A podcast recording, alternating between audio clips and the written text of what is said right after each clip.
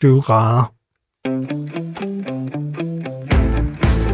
Du lytter til 4 på foden på Radio 4. Kan Gareth Bale løfte Tottenham op i nærheden af et trofæ igen? Hvad har Johan Lange dog sagt til Jack Grealish for at få ham til at blive i Aston Villa? Overgiver Bartomeu sig endelig og overlader tøjlerne i Barcelona til en anden? Og hvor stammer Rabonaen egentlig fra? Alt det og meget mere her i anden time af dagens Fire på Foden. Jeg hedder Dan Grønbæk. Jeg er din vært den næste times tid, og med mig i studiet i dag har jeg besøg af journalisterne Asger Hedegaard Bøje og Gisle Thorsen fra henholdsvis Weekendavisen og Ekstrabladet. Og lad os bare kaste os direkte ud i det i den her time. Vi starter i Premier League, hvor to transfers især har stjålet utrolig meget af rampelyset i den forgangne uge. Gareth Bale er skiftet hjem til Tottenham fra Real Madrid. Øh, 31-årig valiser for dem, der ikke lige havde styr på ham. Har det ham med hestehalen, eller ham med den der knold om i nakken, man også kan øh, holde øje med efterhånden. Jeg hæftede mig særligt ved en klumme, skrevet af den øh, for øvrigt fremragende britiske fodboldjournalist Barney Rooney, øh, som i The Guardian skrev, Masterstroke or mistake, who cares? Bales return to Spurs is intoxicating. Det er virkelig en superstjerne, der vender hjem til Premier League nu, og hjem til den klub, hvor han blev stor. Asger, er det, at, at, uanset hvem man holder med, og hvad for en fodbold man godt kan lide, og mm. stil og alt muligt andet, er det så bare de her transfers, der lever af? Ja, det, det, det er fodbolden blevet i hvert fald. Øh, fordi det første, jeg tænkte, det var, øh, jamen det giver meget god mening. Øh, det ville ikke have givet så god mening for bare 5-10 år siden, tror jeg. Men de seneste år, der har vi set, jeg tror ikke, det er tilfældigt, det her med spillere, der skifter klub, og så skifter de tilbage igen. Altså, vi har også set Pogba mm. frem og tilbage mellem Manchester United og Juventus, ikke? Øh, lidt tidligere alder. Ja, ja. Men ellers samme case. Buffon i den helt anden alderskategori, ikke? hvor man vender tilbage igen til mhm. Juventus. Mm. Men der, er, der er flere eksempler i de senere år på spillere, der sådan får ligesom at genrejse sit image, øh, tager tilbage til enten den samme klub eller den samme liga, hvor man tidligere var stor. Zlatan. Øh, Zlatan, ja. ja. Fernando Torres. Thierry Henry. Der er mange. Skal vi lege en leg? Den, den, den, han, øh, den første, der ikke kan nævne navn, skylder. Men, men jeg, jeg, jeg tror virkelig, jeg, altså, jeg, jeg tror, det er, øh, jeg tror for det første, jeg tror, det er godt for Tottenham, jeg tror, det er godt for Bale, fordi han er stadigvæk en fremragende fodboldspiller. Øh, han har været med til at give sig selv, vil jeg sige det på den måde, en masse dårlig PR. Øh, og, øh, men altså, det er stadigvæk en spiller, der har scoret i, øh, var det to Champions League-finaler, han nåede at score i? Øh, Måske lavede det bedste mål i en Champions League-finale nogensinde. Ja, jeg var der.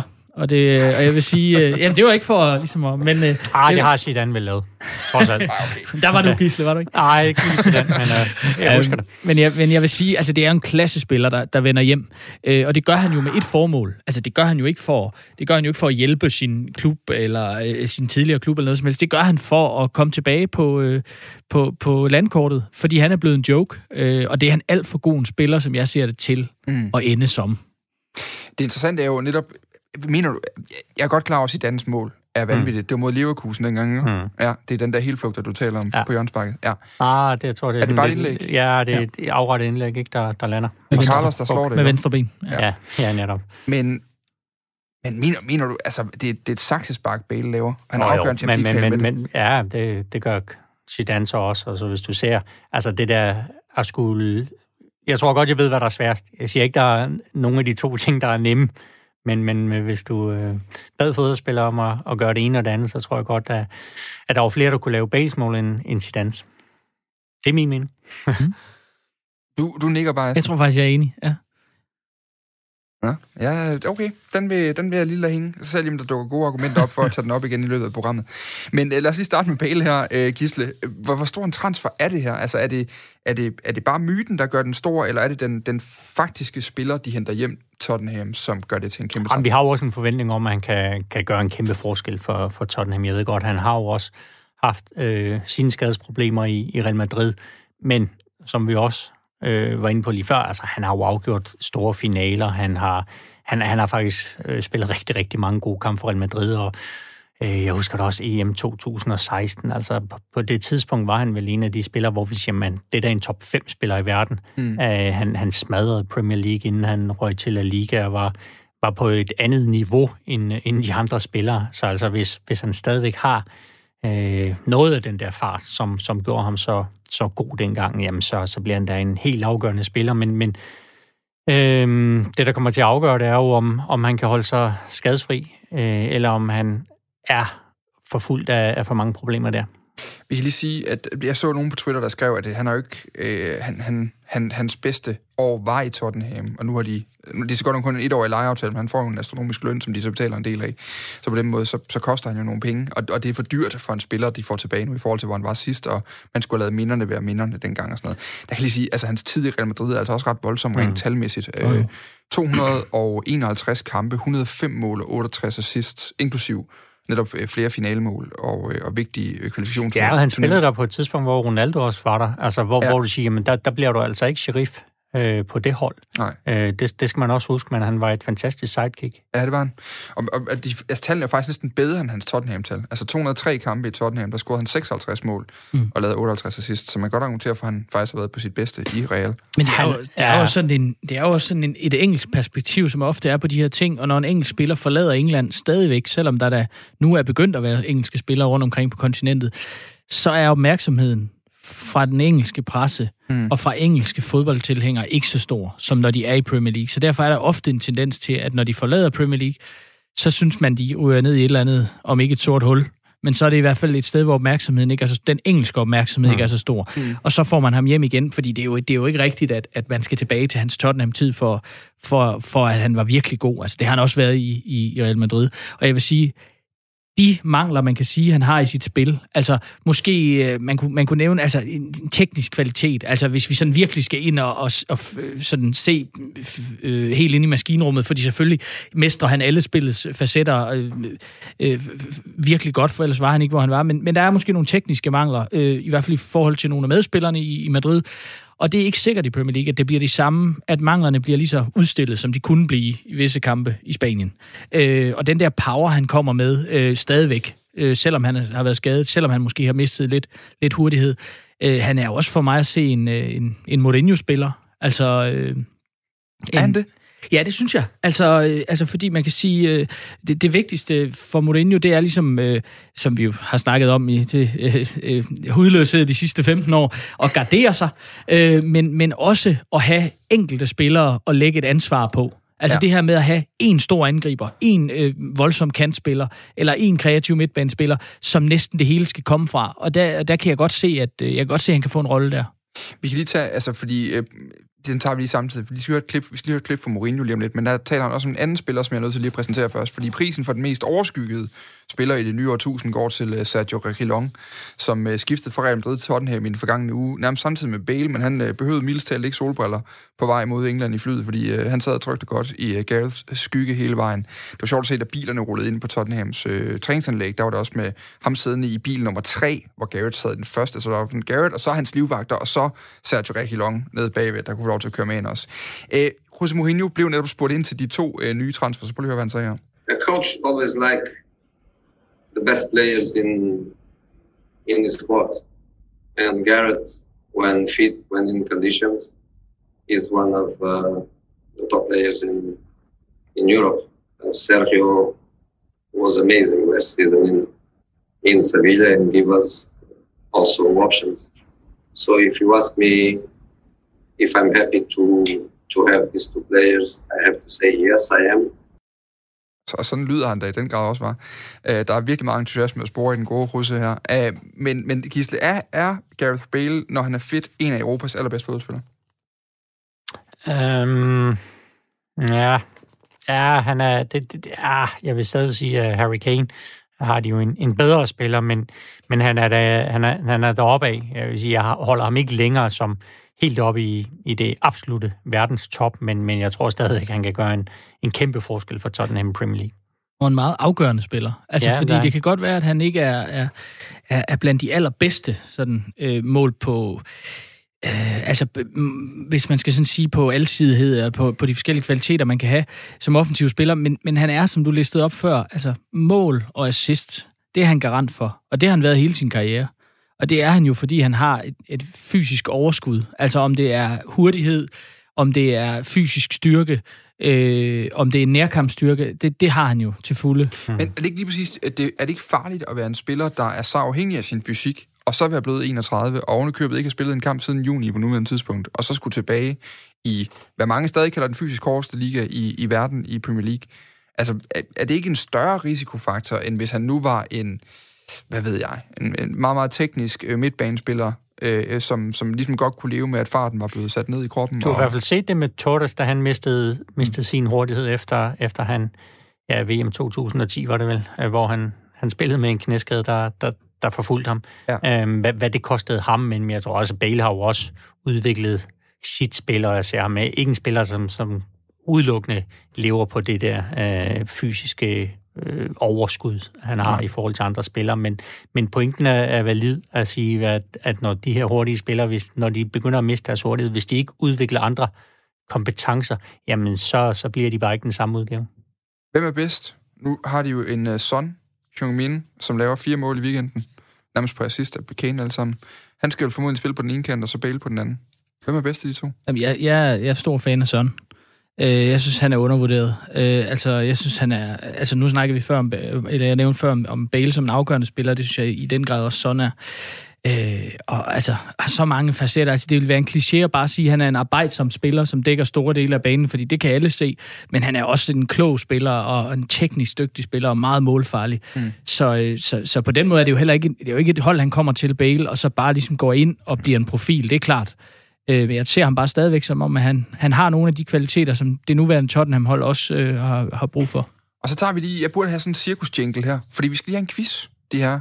Øh, jeg er jo glad for at have inviteret to ind, der er både øh, klogere og øh, ældre end jeg, fordi de skal lige hjælpe mig med at forstå noget her. Øh, fordi efter det citat, vi havde lige før fra Mourinho, så siger han noget andet. Og det er nærmest sådan en lille bitte pose guldkorn af sådan noget russelyrik, han er ude i her. Men jeg forstår det simpelthen ikke, så nu kan I hjælpe mig her. Squad is a puzzle. The squad is a puzzle, and um, in this moment, our squad is not a puzzle, um, and that's a problem that we have to to understand. A squad is a puzzle. A squad is a puzzle. At the moment, our squad is not a puzzle, and that is a problem that we have to understand. Hvad siger Mourinho-quizzen? altså, hvad han forsøger at sige? Mm? Det er jo det her med, at, at, at nu er der nogle, nu har han faktisk rigtig mange gode spillere, og der er nogen, han er nødt til at sætte udenfor. Er ikke noget af den stil? Dele Alli, for eksempel. Ja. Vores, ja. vores, vores, en, en trup er et puslespil. En trup er et puslespil. I øjeblikket er vores trup ikke et puslespil, og det er et problem, som vi er nødt til at forstå. Det er nærmest helt radikalt i den måde. Det er jo det, men nu, er, nu, er, nu, nu er brækkerne faldet på plads, og, og det betyder, at, at der, der er nogle brækker, der ligger uden for det puslespil, der allerede er lagt, mm. som, som der måske ikke helt er plads til. Asger, har du et bud? jeg tænker og tænker og tænker lige nu. Det lyder som sådan et, et, et fantastisk citat fra en eller anden gammel, gammel træner, KFA. Øhm, Fodboldknækprosa. ja, præcis. Ja. Jamen, altså, jeg kan også kun se det på den måde. Altså, han, man får aldrig Mourinho til at sige, at han er super tilfreds eller glad, eller, men det virker alligevel som om, at, at han faktisk nu synes, at han har fået puslespilsbrikker nok, siger jeg. Spørgsmålstegn. Jeg, jeg, jeg kan huske dengang Rafa Benitez, han begyndte at, at tale om lamper og sofaer og alle de her ting nede i, i Valencia. Det fremragende. Ja, det, var, det, var, det, var, det var lidt mere let forståeligt, det her med, at man sagde, at man, man bad om en sofa og fik en lampe. Ja. Det var til at forstå. Jeg tror, det er den fremragende mand, øh, Thomas Loden Hansen fra Jyllandsposten, der på et tidspunkt har øh, udgivet en øh, bog med de bedste fodboldcitater. Mm. Kan det ikke passe? Jo. Sådan en lille god en. Det, den her, den er direkte til bogen også i hvert fald. og det vil være sådan en de næste... Og hvis den bliver gravet op om 100 år, så sidder de og tænker, hvad var det, de lavede dengang? Det er lidt ligesom Cantonana, om begynder ja. at tale om, om mågene og alt. Det her, ikke? Ja. Nå, vi, der er lige en transfer vi skal vende fra, øh, fra, fra øh, Premier League, øh, inden vi løber videre til de næste liga, fordi vi kommer ikke alle kampene igennem. Der er blevet spillet mange, og, øh, og, øh, og vi skal nok lige øh, samle op på nogle få ting, men, men vi når simpelthen ikke det hele. Øh, men Thiago er blevet hentet i Bayern München til Liverpool. 29 år gammel, købt for 225 millioner kroner, sikkert over et bargain i de her tider. Han fik debut mod Chelsea søndag. Der fik han 45 minutter, og i den periode, der havde han flere succesfulde afleveringer, end nogle Chelsea-spillere havde hele kampen. Men øh, hvad kan vi egentlig bruge sådan nogle tal til? Øh, og hvor, hvor god en spiller er han for Liverpool, hvis man kigger sådan på det? Vil du starte, Asger? Ja, jeg synes, det er øh, virkelig, virkelig godt køb. Altså, øh, fordi man kan sige, at vi snakker meget om Liverpool som et hold, der øh, presser højt og øh, er aggressivt og spiller den her heavy metal fodbold, som, som Klopp har, har gjort til sit særkende. Men det er jo samtidig et hold, der har bolden rigtig meget og har rigtig mange afleveringer. Øh, det var det, som vores kære landstræner Kasper Julemand øh, har underholdt med, det her med, hvilket hold i Champions League, har han spurgt, har flest afleveringer. Mm. Øh, og så siger alle Barcelona eller Bayern München, og så siger han, nej, det er Liverpool. Og så er overraskes vi alle. Øh, og det, det er jo fordi, at Klopp er ved at bygge sådan et, altså et hold, der skal kunne rigtig mange forskellige ting. Hvor man må kunne sige, at hans første tid, der, han, der handlede det om at få en aggressivitet ind i Liverpool, få dem til at arbejde som en bisværm, som skulle øh, gøre ondt på modstanderen hver eneste gang, de havde bolden. Øh, og det lykkedes jo. Øh, og så kan man sige, at han har bygget på, øh, og, og i den seneste sæson har jo vist, at man ikke har bevæget sig helt væk fra den, fra den stil, men har tilføjet en masse andre dimensioner i spillet. Øh, og det er blandt andet det her med at have bolden. Og der får man jo ikke for mig at se en spiller i europæisk fodbold, øh, som er bedre til det end Thiago. Altså, øh, fordi det både er en spiller, der kan holde en rigtig, rigtig høj afleveringsprocent, øh, altså antal, øh, eller en, en procent af antal lykkedes øh, afleveringer, men samtidig kan være konstruktiv. Altså, det er jo mm. ikke som en Sergio Busquets, som også er en, en, en rigtig dygtig spiller, men som hele tiden gør det nemme, kan man sige, og derfor øh, også har flotte afleveringsprocenter men samtidig en skabende spiller. Øh, og det er jo, der skal vi jo for mig tilbage til, til sådan en spiller som Xavi, for, for at se det. Øh, og der er Thiago jo ikke endnu, det er klart. Men, men, øh, men jeg synes, han er, altså, for mig at se, at han er han en af de bedste midtbanespillere i verden allerede nu, og, og, og kan virkelig være sådan en, der kan der kan komme til at diktere udviklingen i de kommende år. Så jeg ser, ser det som meget vigtigt øh, køb og, og, og, og billige penge i godsøjne øh, for, for en spiller med den kvalitet. Gisle, Øhm, er, er han den her, der indvarsler en ændring i Liverpool, måske på en eller anden Altså, han har jo været ude at sige meget vigtigt, det var vigtigt for ham, han gerne ville til Liverpool. Jürgen Klopp har også sagt, at det var en af de nemmeste transfers, han har lavet, fordi mm. spilleren ville gerne, Liverpool ville gerne, det galt om at finde øh, prisen. Altså, er det, er, det, er det en tilføjelse, eller er det en ændring af Liverpool, han kan bidrage, fordi han er så stor i sig selv? Jeg ser mere, at det er, en, det er ufattelig meget kvalitet, du får ind på, på den midtbane. Nu har vi lige siddet og talt om, om brækker, og jeg vil sige, at, at, at den her øh, Thiago Brik, det er altså en brik, som, som passer ind alle steder. Han, mm. han er så klog, øh, dygtig en fodboldspiller. Det er jo heller ikke tilfældigt, at, at, at navnet Xavi bliver, bliver nævnt, når vi ser, hvor han har fået sin øh, fodboldopdragelse. Så, så det er jo en spiller øh, i, i, i den ånd, og meget, meget intelligent, meget pasningsstærk. Altså, det er jo... Guardiola var jo også glad for ham i Bayern München. Altså, det er, det er et superkøb, som, som Liverpool har fået, og, og jeg forstår godt, de keder det i Bayern München, øh, men, men de klarer sig nok alligevel, men, men altså, det er, det er en klasse signing også til en rigtig, rigtig god pris. Ja, det, det jeg gerne vil runde Thiago af med. Burde han ikke være endt i Barcelona? Altså, vi står med et Barcelona i genopbygning. Han er billig, hans kontrakt udløber.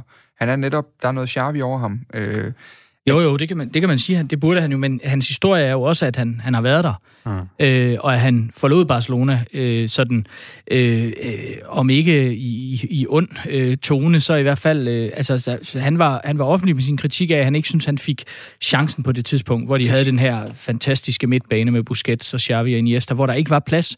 Men hvis Barcelona havde tænkt lidt længere frem på det tidspunkt, så havde man måske i hvert fald givet ham fornemmelsen af, at der på et tidspunkt ville være en sikker plads til ham. Mm. Så han forlod jo klubben, kan man sige, sådan... Øh, øh, altså, han var ikke på god fod med den på det tidspunkt, og, og derfor så ville jeg også have været overrasket over, hvis han skulle, hvis han skulle tilbage igen. Gør det ikke et eller andet spændende, eller kunne det ikke have været nu skal man ikke stå og tale ned, selvfølgelig det bliver enormt sådan at se om Liverpool, men kunne det ikke ligesom have tilføjet til hans, øh, hans arv, hvis han tager tilbage til det her Barcelona-projekt?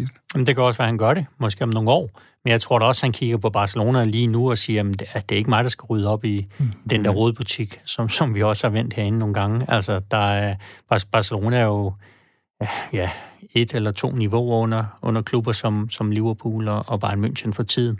Og han vil jo, når du engang har smagt den her Champions League sødme og vundet pokalen, jamen så, så vil du gøre det igen, og, og det ser han da muligheden i, mm. i Liverpool.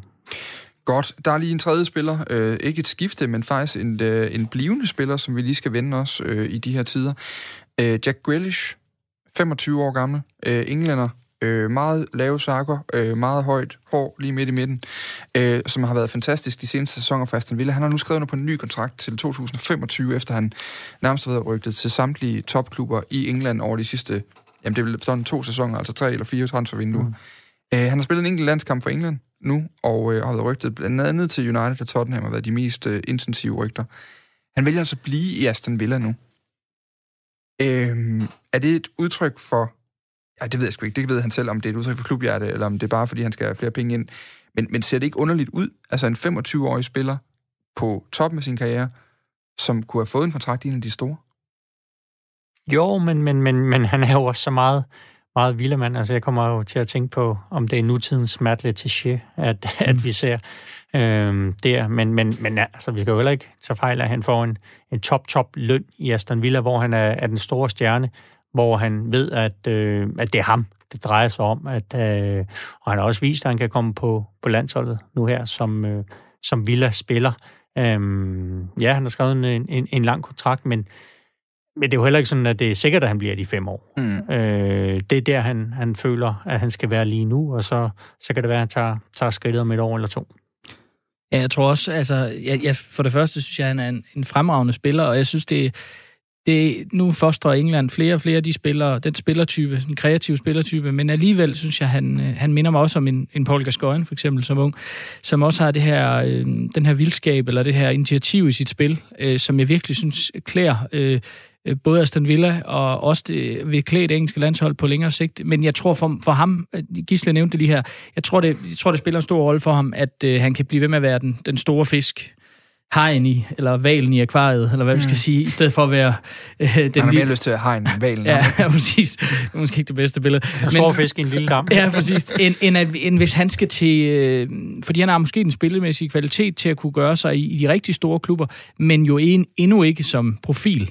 Øh, og jeg tror, uden at kende øh, den gode Jack personligt, så, så slår han mig som en, en type, som, som godt kan lide at være øh, kongen. Mm. Øh, og, øh, men altså derudover også selvfølgelig et, et, et hjerte i, i Birmingham øh, hos Aston Villa. Øh, men, men det er rigtigt, som du siger, øh, at øh, Dan, det her med, at at det er mærkeligt, og det, det, det er mærkeligt, fordi vi har vendet os til, altså snart en spiller spiller fem gode kampe, så rygtes han væk, når han spiller 10 gode kampe, så er han væk. Mm-hmm. Øh, og, og det er jo ikke det, der sker her. Øh, og det er, det er der flere grunde til. En af grundene nævner Gisle det her med, øh, at, øh, at der er så mange penge i Premier League, at han stadigvæk kan øh, øh, have en, en kæmpe løn øh, i Villa her, som også sammenlignet med de store klubber i Tyskland, øh, Frankrig, Italien, Spanien, er øh, en god hyre. Så kan man sige, de sportslige udfordringer, hvad er de så? Fordi det bliver nok svært at komme til at blande sig i noget som helst, øh, der, der dufter af medaljer og europæiske placeringer med Aston Villa. Øh, men, men jeg tror, altså jeg, jeg tror igen, at det er Premier League, der ligesom er, er drivkraften for nogle af de her spillere. Altså det at være i Premier League er i sig selv øh, kæmpestort. Øh, og jeg, jeg tror ikke, han har så travlt. Altså, øh, det, det, det, men det interessante, det interessante er i den der, fordi jeg kunne mærke, at jeg læste den her mm. historie første gang, så selvfølgelig så nostalgikeren og romantikeren i en bliver jo glad for at se en, øh, en, en, en bysknægt. Han har været med ned og vinde med Aston Villa, da det så rigtig skidt ud, så han, øh, man kan godt argumentere for, at han har ført dem tilbage til Premier League, og så bliver han så i klubben nu efter øh, mange rygter. Det er, sådan, det er det første øh, indtryk, eller det første følelse, man får. Så næste følelse er også, men skal han ikke prøve sig af på det store? Altså, man kan godt tænke sig at se ham på en af de, de helt store øh, scener og spille Champions League og, og levere noget, fordi der netop er nogle antydninger i hans spil af, at han kunne drive det til noget ekstremt interessant på en større scene. Er det, er det problematisk, der med det samme dukker den op? Er det, er det, er det sådan en følelse af, af tiden på en eller anden måde, at man tænker, Nå, så skal han da også videre? Mm. Så kan sige, det er nogle ambitioner, du har på hans vej. Ja. Vi ved jo ikke, hvordan han, han har det øh, inderst inden at sige, men det kan da også godt være en ambition at sige, at jeg vil være en villa legende. Ja. Jeg vil være mm. ham, der, der spillede hele, hele mit liv i mm. Aston Villa og, og, og skrev mig ind i historiebøgerne som, som en af de største, der har været i den klub. Ja. Så kan det godt være, at jeg ikke vinder uh, Premier League, men, men måske jeg vinder FA-koppen. Og, mm. og hvis jeg løfter uh, det trofæ på Wembley som anfører for Aston Villa, så, så det, vil det være større for mig, end at, end at vinde Premier League med Manchester City for eksempel. Men det er rigtigt. Altså, det er en, det er, han går lidt imod tidsånden. Ja. Og det synes jeg egentlig også, han gør på banen. Og, det, og jeg tænker, øh, de, gange, jeg har set, altså, de mange gange, jeg efterhånden har set ham på tv, så tænker jeg, øh, han er en fantastisk seværdig spiller, men også måske en lidt gammeldags spiller. Mm. Altså det her med, at han sådan øh, godt kan lide at, at søge langt tilbage på banen og selv føre bolden frem. Og, og han er jo ikke, man kan jo ikke sige egoistisk i sit spil udelukkende, fordi han er jo også en, en, en, en, en mand, der har blik for sine medspillere, men han er også en mand, der hele tiden vil forsøge at vise noget mm. øh, for publikum og for sine medspillere og modspillere. Øh, og, øh, og, og på den måde er han ikke skræddersyet til den måde, som øh, mange af de allerstørste klubber fungerer på i dag, hvor det er et kollektiv. Det er det jo selv i Barcelona og i Bayern München og, og, og Manchester City og Liverpool rundt omkring. Mm. Det, øh, og der, der er han mere, altså der er bedre chancer for ham i Aston Villa for at kunne gå sin egen veje, end jeg tror, der vil være i de, i de største klubber. Øh, men det er selvfølgelig også et spørgsmål om modning. Det kan være, at det ændrer sig om nogle år. Men, men, men lige nu er han altså både på, øh, på banen og uden for banen med sin valg og sin spillestil øh, en, en lidt, øh, hvad skal vi sige, sådan et, en, en øh, en fremmed, øh, fremmed med, element. Med, med, med strømmerne trukket godt langt ned, Ja. ikke? Ja, Og, lige og de små benskinner, og alle de frispark, der bliver begået på. Men, men ja, jeg kunne også godt se ham i, som sådan en italiensk øh, fantasista. Det er i hvert fald interessant. Han bliver i Aston Villa nu, og de har for også øh, forlænget med en anden spiller, som også har slået, øh, man kan sige, brugt igennem muren til land, så landsholdet. Tyrone Minks, en øh, forsvarsspiller, har også lige forlænget sin aftale. Så det er altså to profiler, som øh, den nye tekniske direktør i Aston Villa, Johan Lange fra FCK, har formået at holde på, samtidig med, at man har, har lavet et par interessante indkøb. Så det kan godt se spændende ud forud for næste sæson for et hold, der ellers var øh, relativt øh, fast klemt i en, øh, i en bundstrid i, i tabellen i, i Premier League. Du lytter til Radio 4. Og vi skal lige kigge rundt i øh, resten af, af fodbold-Europa nu. Og vi starter faktisk i, i Spanien, fordi øhm, over 20.000 har skrevet under på et mistillidsvotum mod FC Barcelona-præsidenten Josep Maria Bartomeu. Det kan rykke et øh, præsidentvalg, der ellers først var programsat til marts 2021, tættere på. Bartomeus primære modkandidat, det er en mediemand ved navn Victor øh, Font. Nu kan jeg sige øh, god eftermiddag, ah, snart god aften til øh, øh Navid Mularagai. God aften. Kan du høre mig, Navid? Ja, det kan jeg. Kommer jeg Jeg igen? skal lige se, ja. nu, kan have, nu har jeg lyd på dig, nu kan du høre mig, nu kan jeg også høre dig, Navid. Er det ikke rigtigt? Perfekt. Ah, Jo, fantastisk. jeg kan godt høre dig. Ja, jeg beklager. Jeg havde lige sat den på den forkerte kanal. Det er sådan med at de, de knapper her, når man også skal holde styr på, på gæsterne herinde, du. Det er i orden. Hvad hedder det? øhm, Du studerer Mellemøststudier på Københavns Universitet, og så er du endnu vigtigere kæmpe stor Barcelona-fan, og har særlig stor kendskab til øh, blandt andet fra FC Barcelonas ungdomsakademi, lad mig sige. Øh, og hvis man øh, ikke følger dig under dit eget navn på Twitter, så gør man det måske under øh, Jung øh, Kulis, som servicerer 86.000 følgere med alt det nyeste om de talenter, der render rundt på det berømmede Barcelona-akademi. Kan vi ikke lige starte med, øh, Navid, at få en beskrivelse af ham her, Victor Font? Hvad er han for en øh, type? Jamen, øh, han er en meget gennemsigtig type, i hvert fald som, øh, som fodboldpolitiker, øh, som Barcelona, eller FC Barcelona-politiker.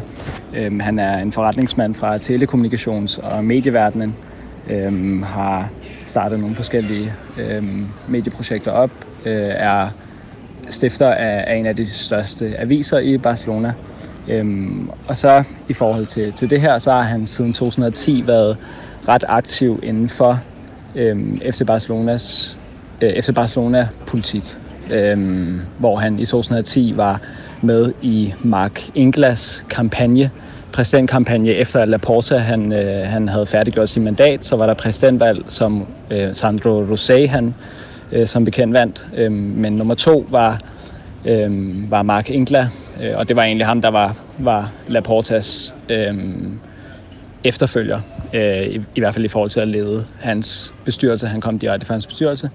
Øhm, og der, har, der, var, der var Victor Fonser med som ung forretningsmand. Øhm, og nu har han så fået masser af erfaring øhm, og har siden 2013 øhm, ledt det her nye projekt, der hedder Si al Futur, Ja til fremtiden, øhm, hvor man ligesom har udregnet, at efter den her store generation af spillere, blandt andet ledt af Messi, øhm, så vil Barca stå, så vil Barcelona stå i et ret stort dilemma øh, og et ret stort øh, måske vakuum af talent, som man ligesom skal prøve at kompensere for, som man skal prøve at bygge videre fra.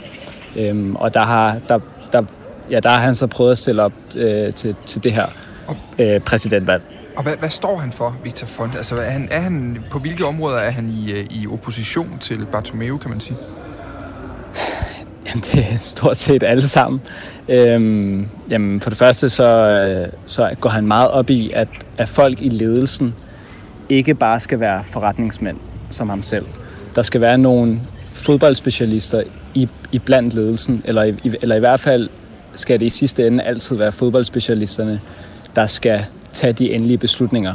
Og der har han gjort meget af, at det, øh, at det selvfølgelig også skal være Barcelona-eksperter, altså tidligere, eller folk, der har erfaring fra klubben, som skal, sidde, som skal sidde og tage de afgørende sportsmæssige beslutninger. Øhm, fordi her i øjeblikket, for eksempel med, med, i forhold til Bartomeu, øhm, der øh, er, er efterhånden ikke, eller der er ikke lige så mange vicepræsidenter tilbage, som der var, da han startede sit mandat. Der er rigtig mange, der har sagt fra. Altså lige nu der er Bartomeu for eksempel selv, øh, han, er, han udfylder også øh, øh, hvad hedder det, pladsen som vice øh, sportspræsident. Mm. Øhm, det vil sige, at altså, kæden er ligesom sportsdirektør, vicepræsident, præsident. Øhm, men lige i øjeblikket, der er det bare Bartomeu, der tager de, de endelige beslutninger, og han er ikke en, der øh, kommer fra sportsverdenen, tværtimod.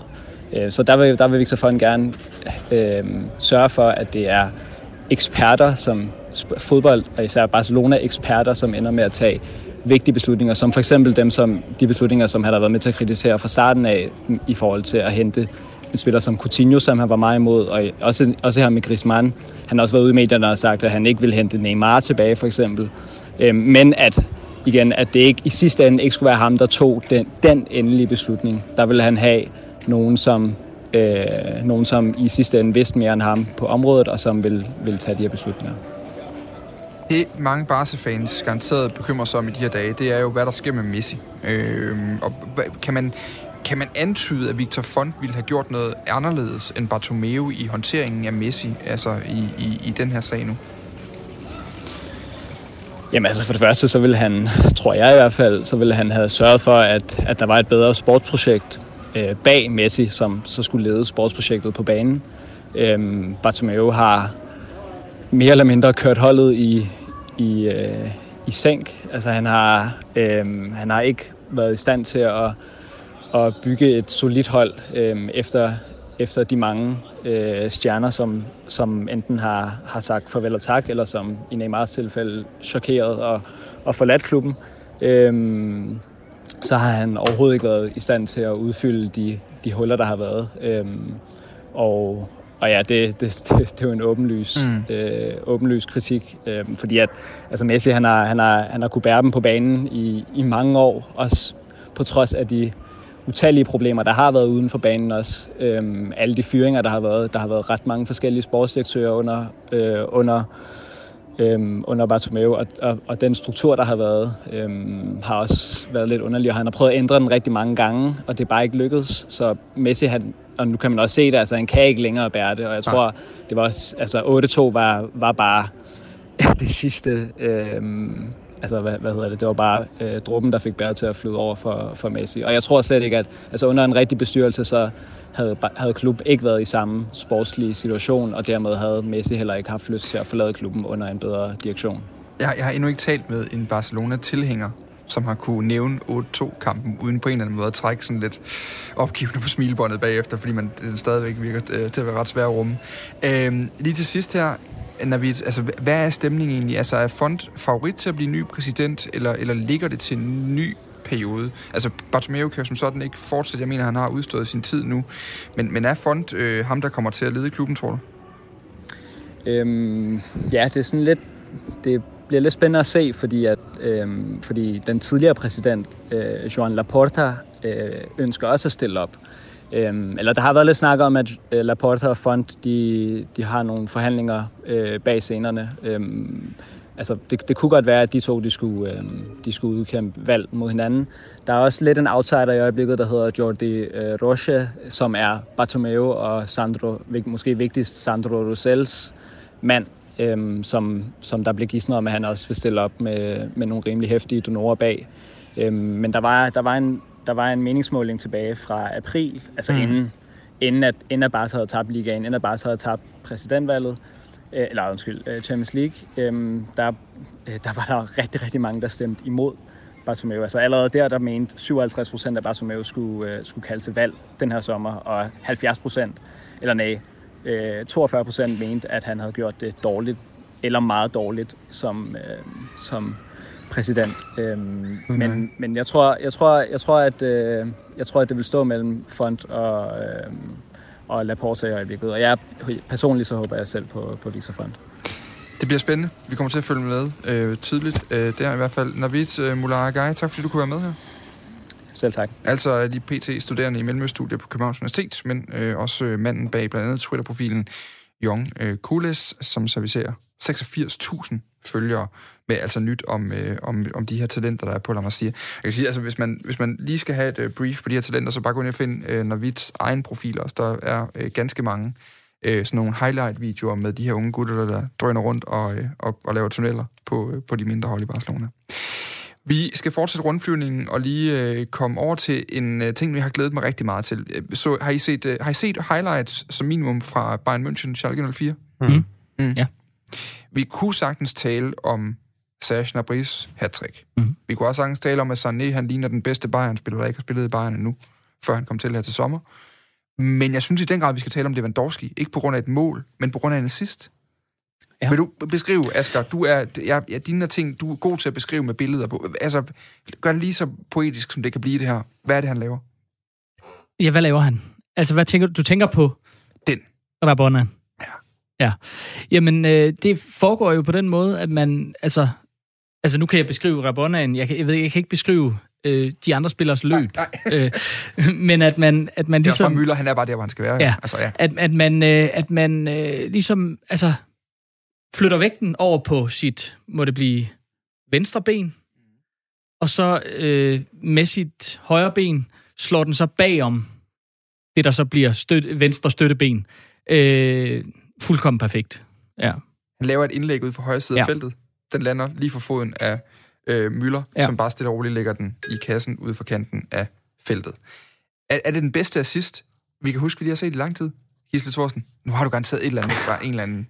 Nej, men nu, nu vidste jeg, at vi jo skulle tale om det her, så, så, så altså, og jeg ved godt, jeg kommer altid til at tale om Diego Maradona, men, men gå ind på YouTube og skriv Maradona og så Rabona, så får du altså fem minutter highlights i lidt grønne kvalitet, nu vel, men der er altså nogen, som er helt outstanding, men, men ja, det er rigtig godt lavet, men, men der var også gode fodboldspillere før i tiden. okay. er det den bedste Rabona? Nej, det- hvad, er den bedste? Det her, det er Lewandowski er ikke den bedste, men hvad er den bedste Rabona? Jamen, jeg, har, jeg ved ikke, om det er den bedste Rabona, men det bedste billede af en Rabona, jeg kan komme på, det er et billede øh, af Paul Gascoigne øh, fra en kamp mod, øh, fra en engelsk landskamp mod Cameroon. Ikke den der VM-kamp i 1990, men en må have været en slags øh, hvad hedder sådan noget, reprise i 1991 mellem de to hold. Mhm. Så hvis man øh, går ind på det helt store internet og skriver Gascoigne, Rabona, Cameroon, 91, så får man forhåbentlig sådan et foto frem, som, hvor, man, hvor, man, hvor man kan se, han sådan ligesom... Øh, det er bare altså helt unikt. Det er bare øh, ballet. Ja. Øh, så det er sådan lige det, det, det, den kommer jeg lige i tanke om. Øh, men altså, det er bare lidt ligesom saksesparket, men måske jo, jo på samme måde det her med, at en krop, der ligesom er vredet fuldstændig ud af, af den position, man normalt kender det i, og så alligevel, øh, alligevel så, så ser man bare øh, total elegance og kontrol. Øh, det er vel det, der er så vildt ved det. Ja, Også så- fordi der er sådan lidt blær i det. Altså man kan sige, nogle gange, øh, det er jo ikke den eneste mulighed, man har for at sparke til bolden på den her måde. Altså egentlig, der er også sådan lidt, lidt blær i det, og det er jo fedt. Men jeg kan bare sige, Maradona, han lavede jo mange af de der oplæg. Ja. Til mål også. Altså, det er jo det er helt ekstremt, og jeg vil, jeg vil også anbefale folk at gå, når de har søgt på, på Gaza, og, og, og det er et fint billede, så, så skal de også lige gå forbi YouTube og, og bruge fem minutter på at se det. Ja, men den bedste nogensinde, det, øh, og det piner mig jo en lille smule, fordi jeg holder med Arsenal, men det er en Tottenham-spiller, der har leveret den. Jeg er ked af at sige det. Altså, jeg søg lige på øh, Erik Lamela, og så mm. på øh, øh, Astea Tripoli, tror jeg, jeg mener nok, det er, de spiller mod Ast- Asteras Tripoli i Europa League. Han, altså, der kommer sådan en klassisk øh, det er flad aflevering over for højre side af banen, lige på kanten af feltet, så nærmest parallelt med, med stregen øh, ind til feltet, og så første gangs Rabona er han den Mm. over hjørnet. Gisle, er du stadig ikke med på den, efter at have set den? Jeg ved, du har siddet og kigget på den, for jeg kan se, du sidder med din computer. Ja, men jeg, jeg nu sidder og ser uh, top 10, men jeg, jeg har set den, og det er, det er et gudmål, det er det da. Ja. Uh, men, men, ja, men jeg synes nu også, at der, der, der er andre gode. Maradona. Ja, Maradona, han er, han er altid værd at nævne. Han er, Det, det er uanset, hvad vi taler om, tror jeg, så kan man altid sige, men Maradona til det, du ser. Det er sådan altid, der kommer altid et eller andet til noget Argentina i 70'erne. ja, nu var det så også i, i 80'erne, han Ja, ja, var, okay, men- trods alt. Ja. Modtaget. Nå, en meget sjov lille ting, det er også noget, der gør Rabonaen faktisk måske til det fedeste fodboldtræk. Øh, Udover, at der er en masse finder, der er vilde og sådan noget, ikke? om, men, men, men måske det fedeste fodboldtræk, det er jo også navnet. Mm. Altså, øh, normalt, når vi hylder den der Panenkaen, den er opkaldt efter en mand. Mm. vi har alle mulige finder, der er opkaldt efter mændene, der har lavet dem. Det er jo bare enormt idéforladt. Mm. At man ikke tænker videre Det her det er noget med at pjekke fra skole, er det ikke? Eller sådan noget? Lige præcis. Ja. Historien bag finden er nærmest endnu, eller bag det her specielle spark er nærmest endnu bedre end sparket. Altså i Argentina i 1948, der øh, har man sådan ligesom det første kendte eksempel, efter hvad jeg kan finde på det store internet. Han hedder Ricardo Infante, og han scorer på en øh, Rabona fra 35 meter. Og så avisen Clarín skriver bagefter, både den slagende keeper og kampens dommer gjorde noget usædvanligt. De løb hen til ham og anerkendte målet med begejstring. Og efterfølgende så får den så sit navn efter den sydamerikanske term Asase la Rabona, som betyder at pjekke fra skole. Og det er simpelthen en tegneserie i magasinet El Grafico, der beskriver, hvordan Infante gjorde en Rabona. Altså snød den måde, man plejede at gøre tingene på. Mm. Jamen, jeg tror også, at det Grafiko, der var kendt for at, at tegne Jo. øh, målene, altså når de, de udkom. Det er Så kunne man se, hvordan målet var scoret. Lig, lidt ligesom vi også kan huske, i, jeg kan huske en, en bog i 80'erne med sådan øh, dansk øh, VM-kval, hvor man faktisk kunne se målene tegnet. Jamen, det, det skal vi have genoplevet. Ja, altså, jamen, det mener altså, det, det er under, under, helst, undervurderet men- kunst, det der med at se et tegnet mål. Ja, det synes jeg bare, det er langt federe end paninkagen, eller laudrup eller eller andet pjat. Altså, ja, så tag, dig, tag dig Ja. og beskriv, hvad det er, der sker. Ja. Altså at pjekke for skole, og lave et, et trick på en fodboldbane, der, der kan sige som at pjekke for skole. Jeg har en producer derude, som forresten er, han, han går meget op i tyrkisk fodbold, og er meget, Mm. meget stor fan af Ricardo Quaresma, som Uh, jo er kendt ja, for sin ja. yderside? Ja, ja. som også er opkaldt, den hedder også uh, Trivela, siger jeg, der bliver en, en tommel i vejret. Hvad er historien bag den, Niklas? Skriv lige til mig, så vil jeg tage den lige om lidt. Øh, fordi den er også interessant. Men øh, et klart opfordring til at opkalde, øh, give dem nogle bedre navne, Mm. de der tricks. Er det det fedeste fodboldtrick, Rabonen? Ja, det, det er deroppe af. ja, skorpionen. Skorpionen er heller ikke Ja, dårlig. okay. okay. Nå, nå, men Ja, altså, vi, vi, nu, nu talte vi før om en, en kamp med, med England, altså jeg kan da huske, da Igita laver den på, på Wembley, hvor alle siger, hvad, hvad har manden gang i?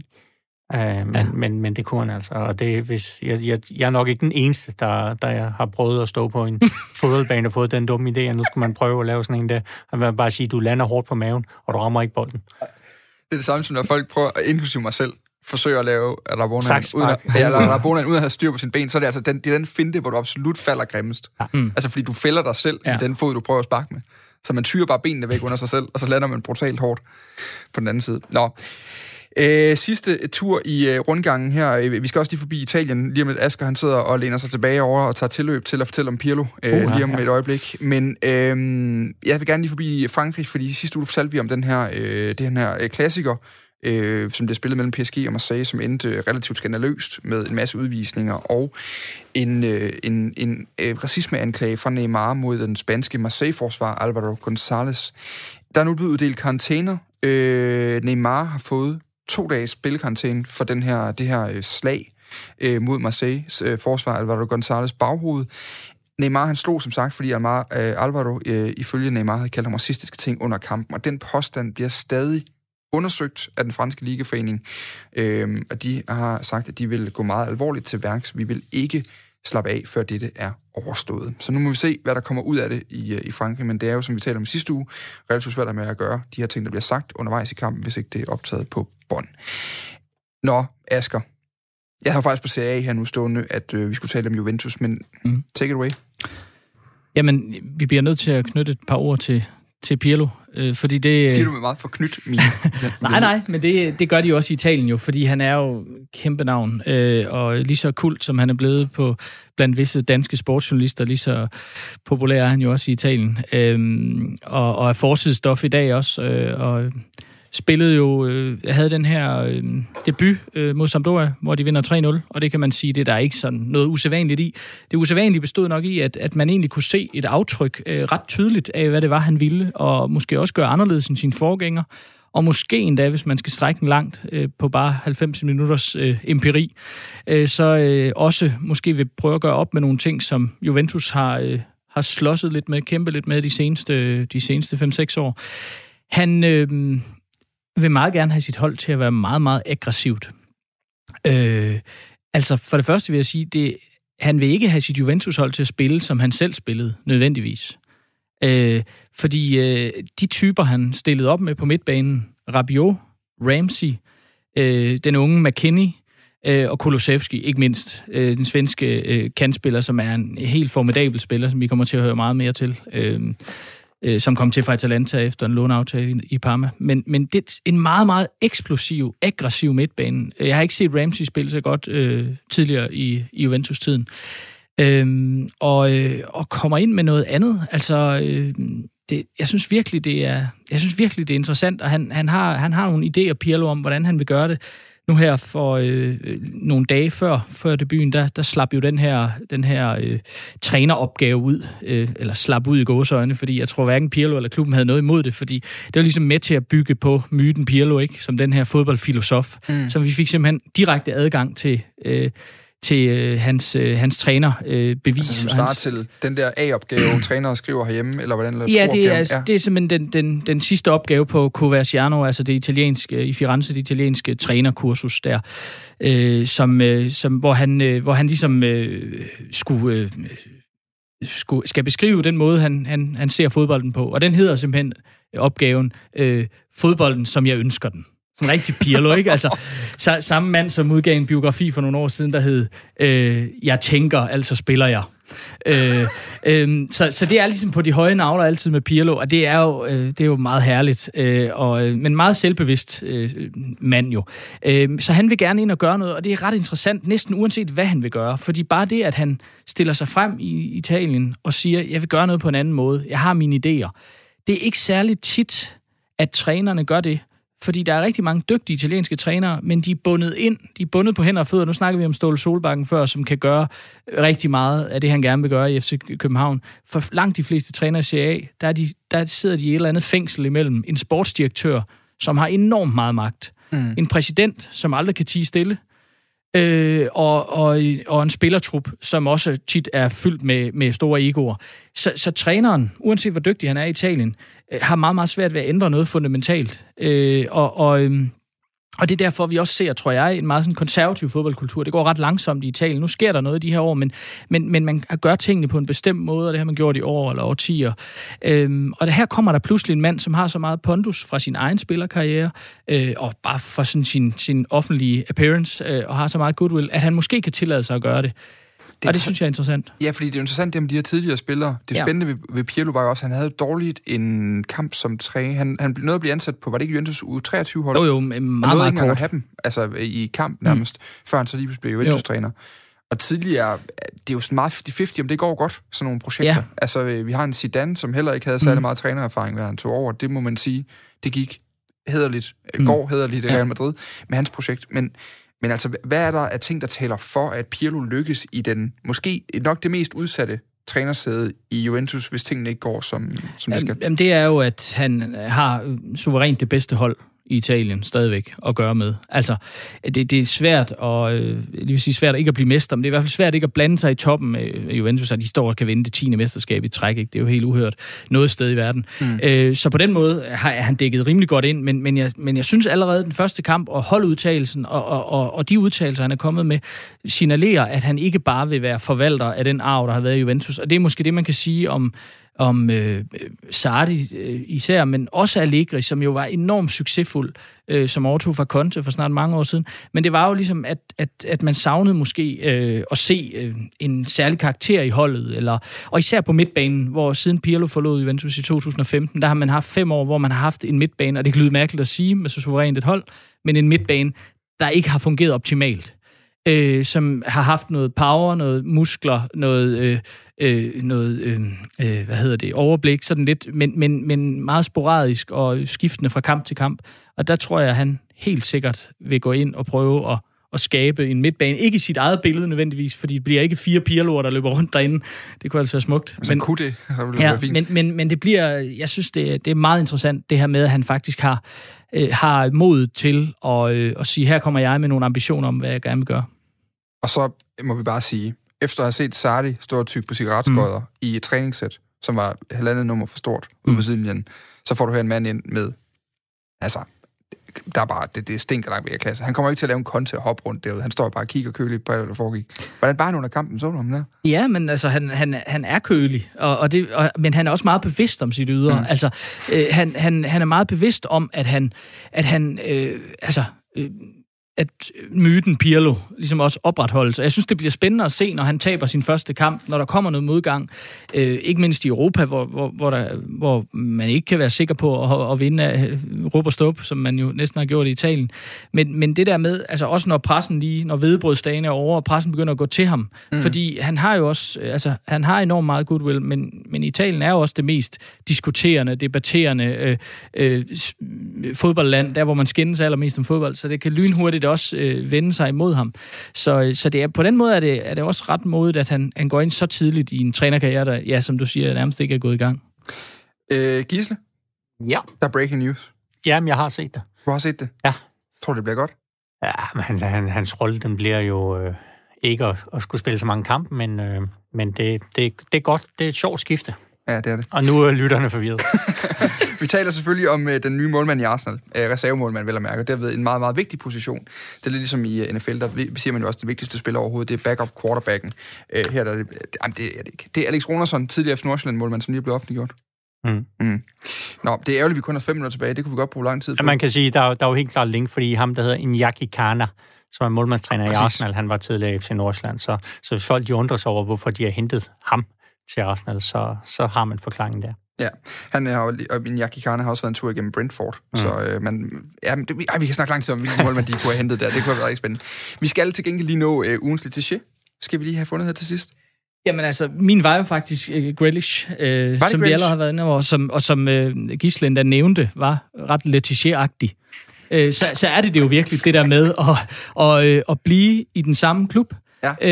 øh, som man, øh, og den samme by, som man er født og opvokset i, og uanset hvor, hvor, hvor store checkhæfter, der bliver viftet med rundt om ørerne på en, så mm. bliver man. Det, er- det er der en eller anden øh, nost- nostalgisk kvalitet i. Det er et godt bud. Gisle. Ja, men jeg må jo se mod Norge igen, og burde glemt. Jeg synes, det er helt vildt. Jamen, de har ikke tabt en fodboldkamp i 2020, og nu skal de spille på torsdag på San Siro. Ja. Uh, vi har et par danskere, der, der gør det godt. Altså, Philip Sinkernagel, Ja, han- han, laver to mål i, i går. Ja. Uh, jeg tror, han er på 13 mål og 13 assist i, i Eliteserien, uh, som de fører med, med 14 point. Uh, mm. Der er også det her med, at Bodo Glimt har aldrig vundet det norske mesterskab, så det ville jo også være stort, og det var jo først, nu læste jeg lidt op på det, og det var først i, i 1973, at, at klubber fra det aller øverste Norge, eller nordlige Norge, de fik øh, lov at være med i den bedste norske række, fordi man mente ikke tidligere, at de kunne konkurrere med, med holdene fra syd, så det vil også være, være stort for, for dem, der bor helt i nord. Jeg ved ikke, hvor mange lytter vi har. Og det betyder heller ikke særlig meget for mig, fordi vi har fået skabt et lille radiokoncept her, der kan rumme en snak om det nordlige Norge, samtidig med, at man snakker om Jack Grealish, lige efter man er kommet fra Adria Pirlo. Det kan noget. Øh, men til gengæld så tager jeg nok stikket hjem her nu, især fordi du jo har øh, lu, øh, ligesom øh, løftet sløret for din kærlighed til Maradona i dag. Fordi, prøv lige at høre det her klip. I met him at a party in Argentina. He was he was in a hot staying he was in a hotel that we were staying in. We'd done a festival, and then next minute we were in the bar in the in the fucking lobby, you know, the lobby bars. Next minute we see about thirty people just scarp into the hotel. I was going, fucking hell, who's that? Anyway, we find out it's Maradona having a party in a penthouse. So we've asked our geezer wanted to go up and have a word with him, and anyway, he sent it down and said, right, you, only two of you can come up the Gallagher brothers. So we've obviously fucked everyone off and scarped into the lift. Gone up there, and he was there. His eyes were like fucking moons. And um, I remember we were going, look, let's get a quick picture with you, and then we'll leave you to it. Leave you to it. Det er Liam Gallagher, som i anledning af sin, jeg mener det er hans 48-års fødselsdag, så har fansejlet øh, Copa 90 talt fodbold med ham, og der deler han altså nogle usandsynligt gode drukhistorier med blandt andet Maradona, men også lige med øh, Vincent Kompany, som åbenbart kan tyre flere shots uden at kaste op, end Liam Gallagher kan. Hvem har troet det? Am Company, han er, han er en øh, hedersmand på alle måder. Ja. Nå, det er ikke for at lægge den op til mig selv, men øh, hvem vinder? Borde Glimt, Jack Grealish eller Ej, det, Liam synes, Gallagher? det synes jeg, øh, Bodo Glimt gør. Det, øh, Især hvis de slår Milan på torsdag. Altså, Ja. det, det, det er sådan en kamp, jeg skal se. Vi arbejder forresten på at få et interview med Philip Sink-kanal. Det bliver spændende, hvor han skal næste gang. Ja, hans kontrakt udløber her efter, eller til nytår. Det bliver rigtig interessant. Øh, nå, jamen, Borde jo glemt tager den. Det var godt, jeg havde siddet og brugt tid på at finde lyd og alt muligt i det her. Det var dejligt. Skønt. Jeg tror ikke, der var så mange, der kunne forstå den der engelske accent. Ja. Vi kan da tage den en gang til, hvis det skal Ja. være det. Jeg, du kunne godt, for jeg kunne sige, du sad og grinede over hele pæren derovre i studiet. Nå jo, men man skal også holde tungen lige i munden. Ja, det er rigtigt nok. Man skal, ja, det er godt. Super. Jamen, øh, Asger Bøje, tak for besøget i dag. Velbekomme. Det bliver... Øh, Nøjelse. Ja, der kommer flere Juventus-kampe nu. Mm. Det er lang tid siden, jeg har set dig se så, er så glad ud, Mm. når du taler om Pirlo. Ja, ja men øh, jo. Altså, jeg, jeg, jeg tøver lidt, fordi jeg vil ikke være en del af det der fanboy-kor. Men det er Men du det er jeg jo lidt, ja. Ja, det er dejligt. Programmet, hvor voksne mænd bliver bløde. Gisle Thorsen, tak for uh, snakken i dag. Velbekomme. Det har været en fornøjelse. Og øh, så kan vi lige sige, at det var alt for den uges øh, Fire på Foden. Øh, om en uge, der gør vi det hele igen. Husk, du kan byde ind med emner, du kan brokke dig, du kan også rose, dig, rose os her på øh, redaktionen inde på mailen sportsnabelagradio4.dk. Du kan også fange os på Twitter. Fire på Foden med et firtal og to A'er er øh, navnet. Så kan du jo finde alle de tidligere udsendelser i din foretrukne podcast-app. Samme sted kan du øh, både give stjerner og anmelde osv. Så, videre. så gør det, så bliver vi bedre, og flere mennesker hører programmet. Alle vinder, og alle er glade. Jeg hedder Dan Grønbæk. Niklas Stein havde skrevet halvdelen af showet i dag, og snakket i øret på mig undervejs. Vi høres ved. The squad is a puzzle. The squad is a puzzle, and um, in this moment, our squad is not a puzzle, um, and that's a problem.